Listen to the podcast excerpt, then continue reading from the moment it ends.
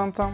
Ja, du. Herregud, hvor har du funnet den lame introen fra, Frode? Den eneste vi har råd til. er Den det var, sant? den var gratis. Eh, Ok. Så velkommen til Velkommen til Brobyggerne. med Frode og Frode. Ja, det er riktig, det.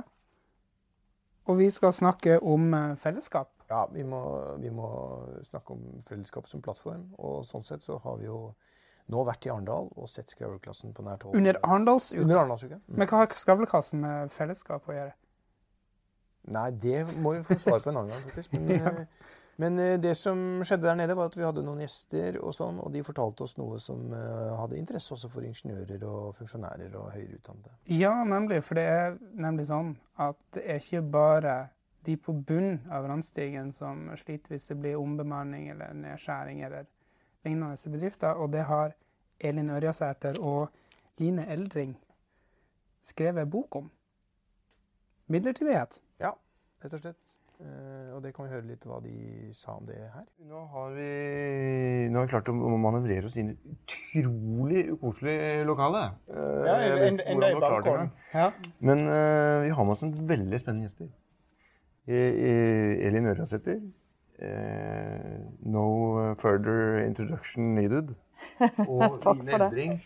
Eh, tidligere forsker Fafo. Mhm. Nå rådgiver. Ja. Og dere er her under Arendalsuka rett og slett for dere vil at uh, høyresida den må også våkne. Hvorfor, hva de skal våkne på? Eh, at vi kan bevege oss inn i et løsarbeidersamfunn hvor eh, barna våre, og også voksne folk, eh, risikerer å gå permanent fra oppdrag til oppdrag, fra engasjement til engasjement, og aldri få fast jobb. Det er det vi er opptatt av i boka 'Løsarbeidersamfunnet', som er utgitt akkurat nå. På Cappelen Dam. På Cappelen Dam! Ja. Cappelen Dam akademisk. Ja. Men den er ikke så tung. Det går an å lese den på senga.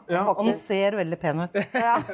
Det kan bevitnes, for det, vi har faktisk uh, fått et eksemplar. Det skal vi, den skal leses, det kan dere tro. Men uh, vi, har, vi har skjønt såpass at vi eh, har tatt utgangspunkt i at dere allerede har vært der på en, sånn, en slags boksignering, eller hva det er for noe. Og, og da bruker dere en eh, undertittel som er 'Atypiske tilknytningsformer er på fremmarsj'. Og hvilke atypiske tilknytningsformer er det vi snakker om? Ja, Vi er jo opptatt av at det er ikke bare midlertidige ansettelser. Midlertidige ansettelser har fått masse fokus. Ja.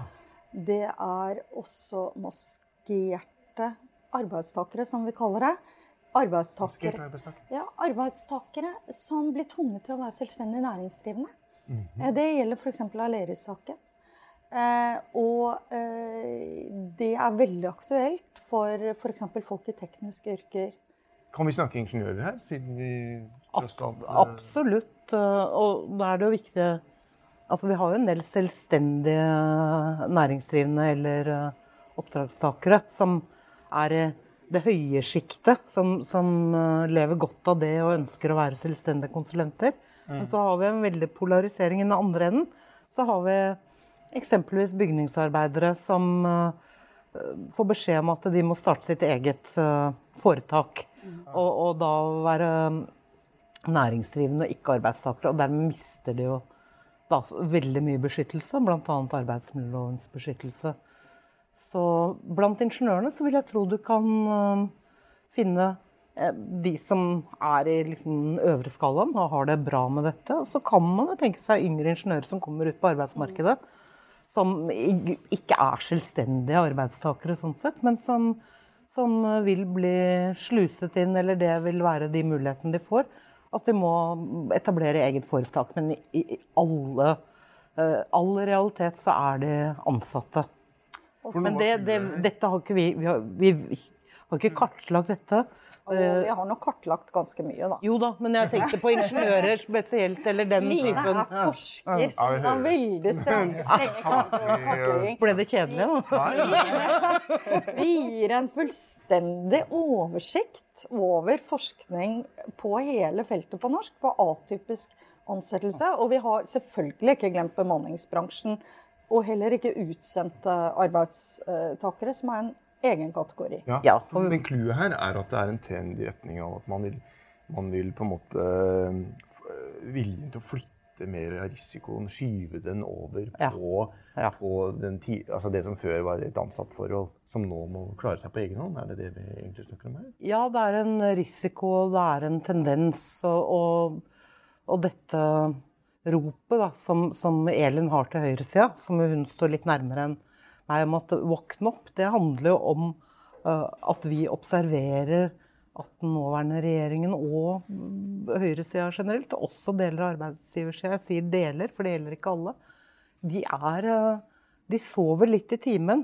De kjører litt på med liksom den vante retorikken. Og vi ser det her i Arendal også på debatten om innleie, hvor høyrepolitikerne er sånn Ja, må sikre fleksibilitet, du må sånn og sånn, og ikke egentlig tar inn over seg at de bruker argumenter, f.eks. når de diskuterer byggebransjen, som kanskje kunne passet på IT-konsulenter, Ja. men som ikke passer uh, på, på den situasjonen både arbeidsgivere og fagforeningene i bygg varsler høyt og tydelig om. Ja, nettopp. Dere foreslår eh, fire tiltak mot løsarbeidersamfunnet. Eh, og det er et her eh, som er spesielt interessant, som eh, Høyre, Nordby Lunde i Høyre allerede har sagt hun ikke syns er en god løsning. Men å forlenge prøvetiden med ansettelser til ett år eh, som et alternativ for den eh, økte adgangen til midlertidige ansettelser. Det er et sånn slags kompromiss da, som skal være politisk spiselig for, for alle parter. Hvis man lytter til argumentene for å øke midlertidigheten, så, altså, eller adgang til midlertidighet, så, så handler det om at eh, arbeidsgiverne tar en for stor risiko. Altså, det er veldig mange av argumentene som knytter seg til risikoen ved en fast ansettelse. Det er ofte betydelig overdrevet, mener vi, den eh, risikoanalysen der. Men, men det er jo selvfølgelig sånn, alle vet jo det at eh, man er redd for å gjøre feil ansettelser. Og nå brukes midlertidighet som en slags sånn uformell eh, prøvetid. Mm. års engasjement, noen ganger blir det to år, altså andre ganger tre år. På universitetet er det jo gjerne Ja, ja, det er det. 10-15 år. ja. men, men, Men greia er at man vi, allerede har et slags alternativ i lovverket, ikke sant? Ja, og som brukes lite, Lite, som det er i dag. Det brukes ikke på noen Altså, man kunne, Det er et større handlingsrom innenfor prøvetidsinstituttet da, enn det Ja, ja. som er i dag. Mm. Og det som er jo så fantastisk med stillingsvernet, og man har et stillingsvern når man er i prøvetid, Ikke sant? det er jo at arbeidsgiver er forpliktet til å gi en skikkelig begrunnelse. Og hvis han ikke gjør det, så vet han at han kan bli saksøkt. Og dette stillingsvernet er en balanse mellom arbeidstaker og arbeidsgiver, og vi elsker den balansen. Ja. For det er jo ikke umulig å si opp folk i Norge. Det er jo Nei, bare en fordom. Det er jo fullt mulig. Så har vi tre andre tiltak òg, da. Mm. Eh, og jeg vet ikke om dere vil høre dem nå? Jo, fordi at det, er jo, dette er jo faktisk veldig spennende. For dere har eh, på en måte et forslag om en slags teknisk beregningsutvalg for situasjonen på midlertidighetsfronten, eller noe sånt? Skal vi Ja, ikke sånn? bare på tilknytningsformer. Nei, ja. Da tenker vi hele bredden. Altså fra selvstendig næringsdrivende, midlertidig ansatte, innleide også. Hele bredden av alt Jeg som ikke er høres fast ansatt. globalt ut, men hva sier andre? Jeg er jo, Jo, det er ingen som hører på meg. Du, nei, vet du hva? Eh, Trond Giske var jo veldig positiv. Og Ja. det, det er vel det tiltaket som flest har vært positive til. Og TBU, Teknisk beregningsutvalg for lønn, mm. sikrer jo at man har en enighet om faktum Riktig. før man begynner å forhandle. Og det er en fantastisk ting. Se på de områdene i samfunnet hvor man ikke er enige om faktum. Innvandring ikke enige om faktum. Rovdyr ikke enige om faktum. Det blir jo bare kaos Ja. i de diskusjonene.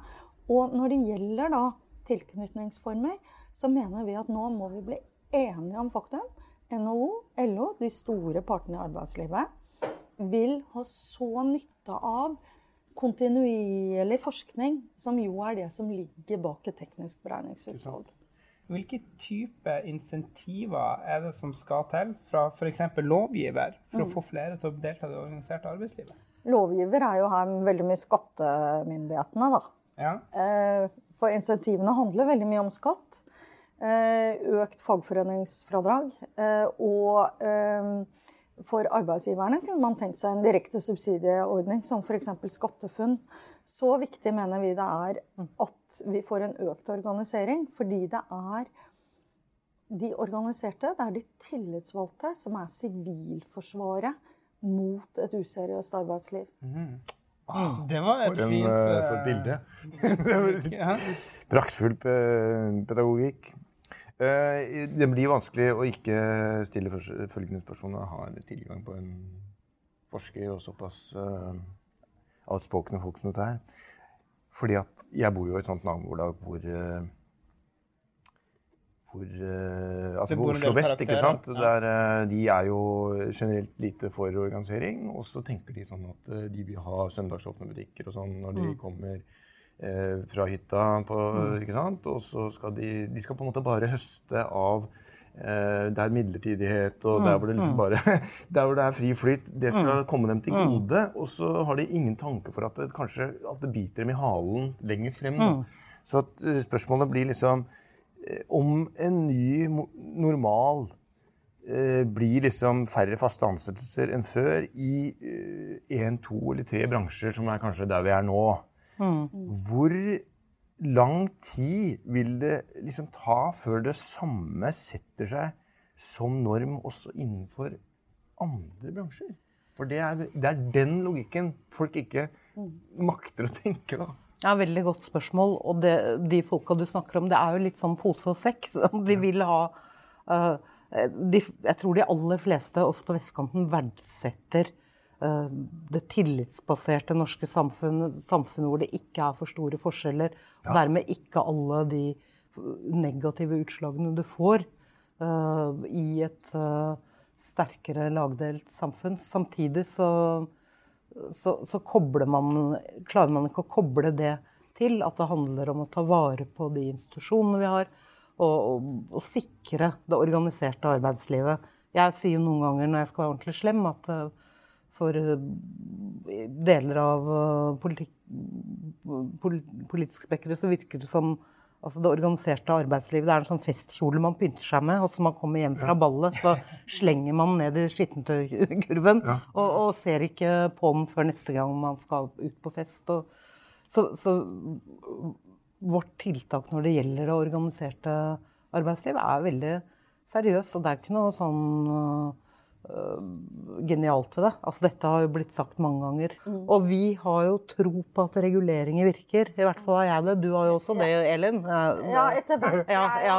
Jeg, jeg er nok litt mer defatistisk på den måten at jeg tror Defatistisk, det Jeg ser mørkt på det. Skjebnetro.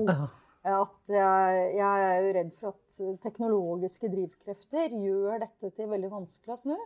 Men jeg er enig, vi er veldig enige om at lovreguleringer er jo det eneste som kan stoppe det. Fordi eh, loven gjelder alle. Det skaper like konkurransebetingelser, Nemlig. rammebetingelser. Og bedriftene opplever jo og Det gjelder jo også i offentlig sektor til en viss grad. Altså, det er knallhard konkurranse. Og de tar de valgene som virker riktig der og da, på det prosjektet. På På det, altså, Ja, ja. og, og, og hver aktør tar valg som kan få, om ikke katastrofale, men i hvert fall veldig negative virkninger for bransjen eller sektoren som helhet, sånn som vi har sett i bygg. Og da får man det vi i boka kaller et kollektivt handlingsproblem, som ikke hver bedrift klarer å løse. Kanskje kan partene i arbeidslivet, hvis man, de er sterke, øh, øh, håndtere øh, mye av det, men vi trenger også reguleringer. Og dermed, altså Vi er jo veldig positive til de innstramningene som er gjort på innleie, f.eks. Og dette er Det du sier nå, Elin, det betyr også at alarmklokkene må uh, forte seg å gå også i funksjonæryrkesegmentet. Definitivt. Og det bringer oss over til uh, et nytt spørsmål. et paradoks. Hvorfor synker organisasjonsgraden og tilbøyeligheten til organisering hvis vi nå på en måte trender mot en litt råere kapitalisme enn før? Svar på den, du. Ja, ja men det, det er viktig å ha det store bildet. Altså, det er ikke, har ikke vært et dramatisk fall i organisasjonsgraden. Nei. Så jeg ser hele etterkrigstiden og, liksom, og har kurve øh, 100% skala, så er det liksom Det, det har endra seg. Det er færre LO-organiserte, men det er jo Se på den totale organisasjonsgraden, så har den ikke falt dramatisk. Men det er en nedadgående tendens. Og igjen, og det, det argumenterer jo vi sterkt for i boka, man kan ikke bare ha det store blikket. Man må gå inn, liksom bruke lupe eller kikkert eller hva som er det beste bildet på å se hva skjer i enkelte segmenter og i enkelte bransjer. Og da ser vi jo at i en bransje som bygg, hvor det har vært mye problemer, så har organisasjonsgraden sunket uh, i deler av landet i hvert fall. Og dette handler jo også om arbeidsinnvandring. Mm. Eh, det tar tid å bli kjent med mulighetene til organisering, og hva det gir og ikke gir. Eh, og det handler om vekst i de yrkene som vanligvis ikke har vært organisert. En del tjeneste...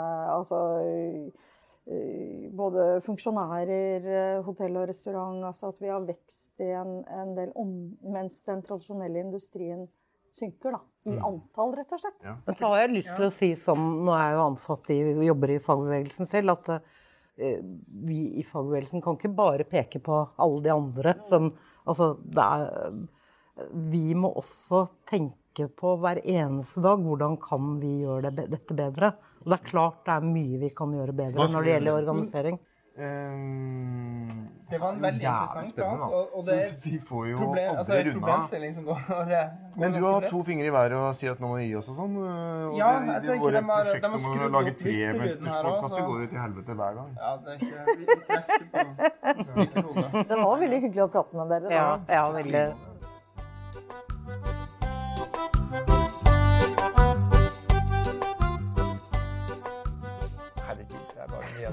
Frode. Du kan ikke bli tatt seriøst, men uh...